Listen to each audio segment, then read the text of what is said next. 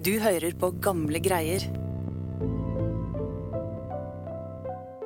En sensommerdag i 1921, i et værelse i København, sitter en liten gruppe mennesker i det dunkle lyset fra en rød lampe. En av dem er norsk. En slank fyr i 50-årene med glatt hår og en velstelt bart.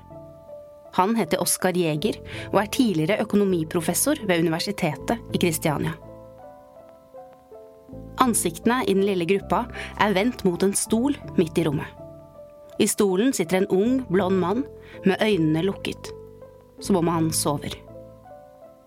Mannen i stolen er spiritisten Einer Nilsen, som er kjent for å kunne kommunisere med de døde når han er i transe. Oskar Jæger følger spiritisten med øynene. Noe er i ferd med å skje med den slappe kroppen i stolen. Ut av munnen til den blonde mannen flyter noe hvitt og skimrende. En bølgende materie som strømmer nedover brystet hans. Dette øyeblikket setter dype spor i Oskar Jæger.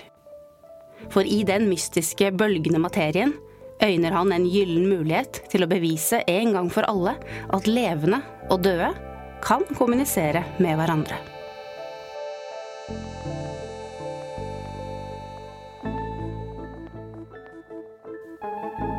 Du hører på Gamle greier, en podkast fra Nasjonalbiblioteket. Jeg heter Ina Charlotte Fjellhøy, og det er historiker og journalist Live Fedler Nilsen som skal fortelle denne historien om spiritisme og vitenskap. Den begynner i Kristiania en dag i 1920.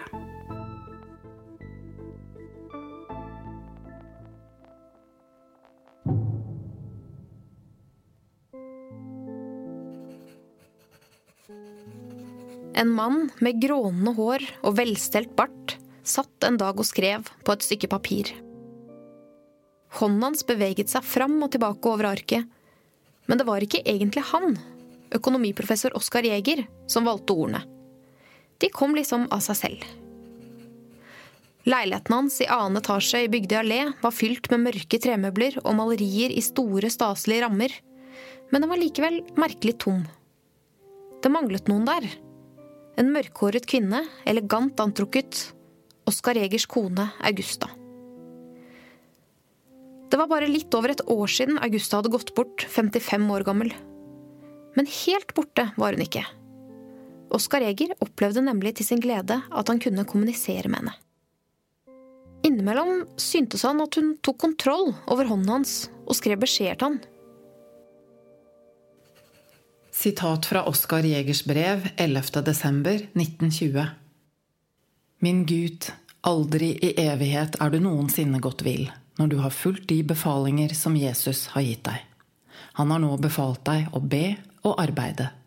Gjør det, min egen Gud. Min Herre og Frelser kommer snart til deg. Professoren mente altså at disse ordene kom fra hans avdøde kone. Denne typen skrift, som tilsynelatende kom av seg selv, ble kalt automatskrift og var et fenomen som hadde blitt stadig mer populært de siste tiåra.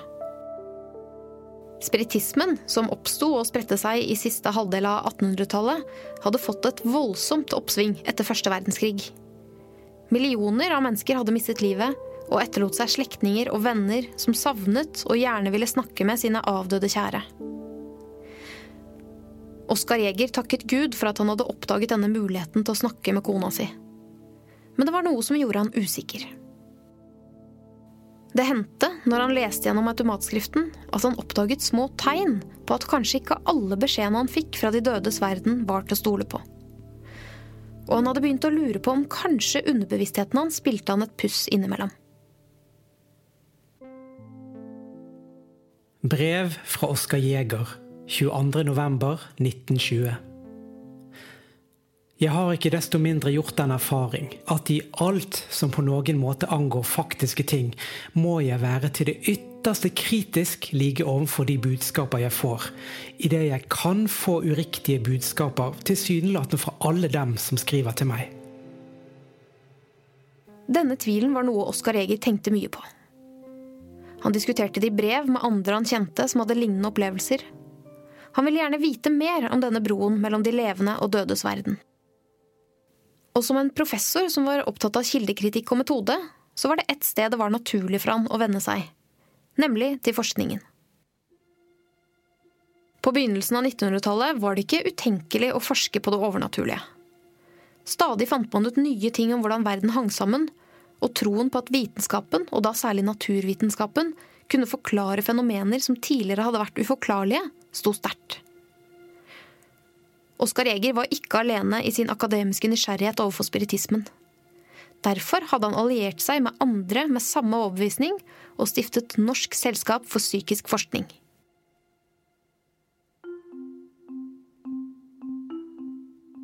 Selskapet ble raskt Oskar Jegers hjertebarn, og han brukte mye av tiden sin på å jobbe for at spiritismen skulle forskes på og bli tatt på alvor. For i hans øyne var ikke forskningen noen trussel. Tvert imot trodde han at det bare ville styrke spiritismens sak om han satte et kritisk søkelys på den. Brev fra Oskar Jæger 27.11.1920. Aldri har noen ekte åndemeddelelse tatt skade av å bli underkastet den skarpeste kritikk. Tvert imot lyser det ekte med desto større glans jo mer det vaskes med kritikkens lut. Men dette arbeidet var ikke uten utfordringer. For det var slett ikke alle som var så begeistret for spiritismen. Stadig dukket opp kritiske bemerkninger og latterliggjøring i avisene. Nasjon 17.2.1920. All slags overtro, åndeseanser, samtaler med avdøde, psykografer, bordbanking og lignende hysterisk sludder trives livlig nå etter krigen. Bevegelsen hadde rett og slett et dårlig rykte i deler av befolkningen. Oskar Eger ville gjøre det han kunne for at spiritismeforskning skulle tas inn i varmen i akademia og få anerkjennelse og legitimitet. Han sa opp jobben på universitetet og viet all sin tid til Selskapet for psykisk forskning. Og en dag fikk han en gledelig nyhet. Det skulle arrangeres en stor kongress for psykisk forskning i København. Den første i verden av sitt slag, og prominente vitenskapsmenn fra hele verden var invitert. Dette ville selvsagt Oskar Eger få med seg. Nå skulle spiritismen få sin sjanse. Det var en lørdag i slutten av august da Oskar Eger troppet opp utenfor det ærverdige Glyptoteket i København, der konferansen skulle avholdes. Innenfor dørene var det varmt, og en hel masse folk fra ulike land hadde samlet seg.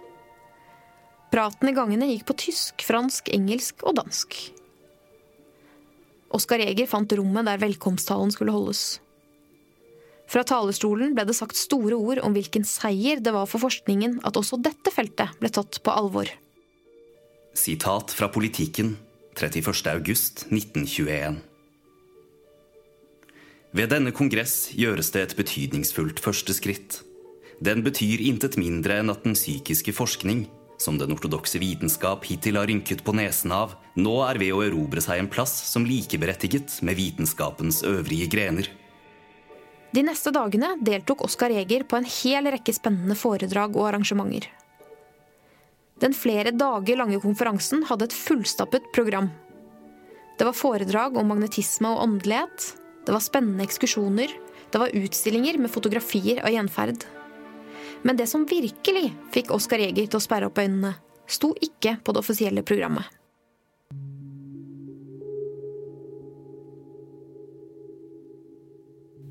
En dag fikk han en helt spesiell og eksklusiv invitasjon. En invitasjon til en såkalt seanse, der en liten gruppe mennesker skulle sitte eller stå i en sirkel rundt et medium, en som hadde en spesiell kobling til åndenes verden. Sammen skulle de påkalle de døde. Og i denne seansen ble Oskar Jeger lovet å få se noe helt utenom det vanlige. De døde skulle ikke bare kommunisere gjennom det spiritistiske mediet. Det kunne også hende at de kom til å vise seg i fysisk form. Dette var noe Oskar Eger hadde håpet på lenge. Han hadde et sterkt ønske om å få se kona si igjen, og flere ganger hadde han gjennom automatskriften fått løfter om at han skulle få nettopp det. Men gang på gang hadde han blitt skuffet, og etter hvert hadde han begynt å tenke at løftene kanskje bare var ønsketenkning. Men nå hadde han altså blitt invitert til en eksklusiv seanse der nettopp åndenes fysiske form var hovedattraksjon. Da timen kom, ble Oskar Jæger og seks andre heldige utvalgte vist inn i et rom med dempet rødt lys. I rommet var et kabinett, en slags stoffboks, med åpne forheng og en stol i midten. Inn kom en ung, høy og blond mann og satte seg i stolen i kabinettet. Etter en stund gled øynene til mannen igjen, og hodet bikket til siden og ble liggende mot skulderen. For tilskuerne så det ut som at den unge mannen var falt i transe.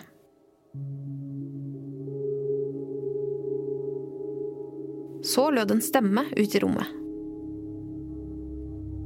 Den kom fra inni kabinettet men den presenterte seg som broder Mika, en munk som hadde vært død i lang tid. Munken talte en stund til forsamlingen gjennom mannen i kabinettet. Så skjedde det noe. Stemmen forsvant, og ut av munnen til den unge mannen i stolen fløt en blekhvit, halvt gjennomsiktig materie som la seg som et slør over den slappe kroppen hans. En glipe av dagslys trengte plutselig gjennom vinduene. Det brøt gjennom det dunkle lyset i rommet og falt på mannen i stolen. Han skrek til og falt bakover. Og i løpet av noen øyeblikk var det merkelige stoffet forsvunnet. Oskar Jæger visste godt hva det var han hadde vært vitne til. Det var det man kalte for teleplasma. Den fysiske formen åndene tok når de viste seg for levende mennesker. Seansen med den unge danske mannen, som het Einer Nilsen, var en opplevelse Oskar Jæger kom til å huske i lang tid. Det han hadde sett, var selvsagt store nyheter for forskningen på det åndelige, for teleplasmaen virket å være noe helt fysisk og håndfast som man kunne måle og veie. Men det betydde nok også noe annet og mer personlig. For hvis teleplasma var ekte, så betydde vel det at man kunne få treffe igjen de man savnet aller mest. Og kanskje var det en elegant antrukket kvinne med mørkt hår Oskar Jæger hadde i tankene da han reiste hjem til Norge. Kona Augusta, som han savnet så veldig. Men ikke alle var like begeistret for programmet på den store konferansen som Oskar Jæger. Det ble fullstendig slaktet i den danske storavisen Politikken den 31. august. Der sto det at seriøse vitenskapsmenn hadde blitt lurt og brukt som akademisk alibi for spiritismebevegelsen. Og at konferansen besto av to leire som var uenige med hverandre. Atter i går viste det seg at det innenfor Den psykiske kongress finnes to leirer. Den ene bestående av alttroende spiritister. Den annen er stringent tenkende vitenskapsmenn. At det var to leire, hadde avisen rett i. For allerede under Kongressen hadde det vært høy temperatur mellom mer skeptiske vitenskapsmenn og troende spiritister, og Oskar Jæger hadde havnet i flere opphetede diskusjoner med skeptikere. Og selv om Kongressen nå var over, fortsatte konfliktnivået å stige, og Oskar Jæger, som ikke holdt noe tilbake når han mente noe sterkt, befant seg plutselig midt i en opphetet debatt med en av politikkens redaktører. Det var ingen hemmelighet at Viggo Kavling fra Politikken var skeptisk til spiritismen.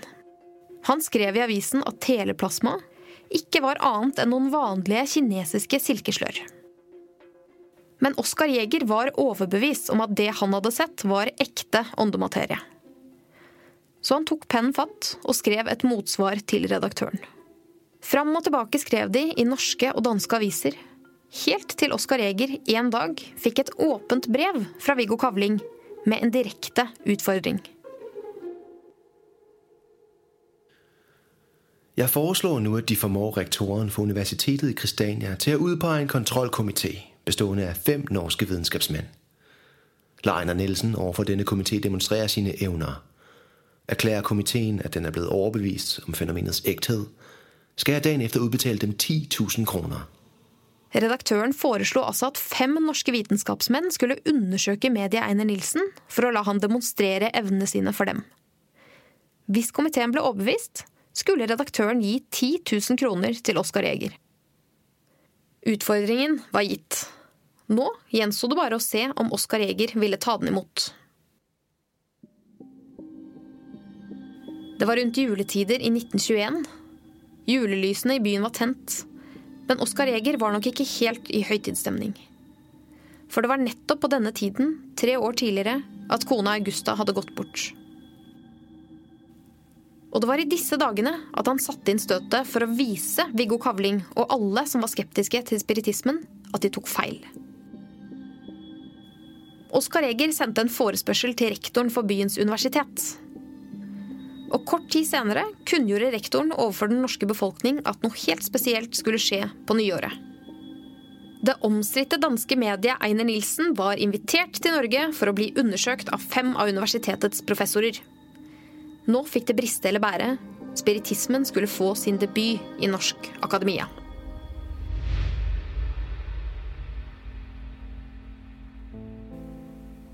Dette var første episode av to i historien om Oskar Jæger og spiritismen. I neste episode får du vite hvordan det gikk da det danske mediet Einer Nilsen kom til Norge for å bli undersøkt av fem norske professorer. Denne episoden av Gamle greier er laget av Live Fedler Nilsen, Dang Trind og meg, Ina Charlotte Fjellhøy. Sitatene i denne episoden er forkortet og modernisert, og lest av Mikkel Bjørnskov Bartholdi, Anne Bøhler, Dang Trind, Kristoffer Haag Maure og Peder Oppstad. Musikken du hørte, var fra Epidemic Sound, og du har også hørt spesialkomponert musikk av Therese Aune. Kilder til episoden var brev fra Oskar Jæger, bevart i Nasjonalbibliotekets privatarkiv, historiske dokumenter fra Universitetet i Oslo, avisartikler fra perioden 1918 til 1923, tilgjengelig i nettbiblioteket på nb.no, fotografi fra Aust-Agder museum og arkiv, Store norske leksikon, artiklene 'Engler mer enn en rapport fra jenterommet', 'Kvinner og spiritisme i Norge', og 'Et ærlig menneske på bunnen' om spiritistiske medier og bedrag av Tonje Maria Mæren. Artikkelen 'Vitenskapsfolk forskede i ånder' av Irene Petersen på vitenskap.dk. Og avissamlingen på Det kongelige bibliotek i København. Takk til Tonje Maria Mæren for god hjelp til episoden. Og til ansatte ved Spesiallesesalen på Nasjonalbiblioteket for god kildehjelp.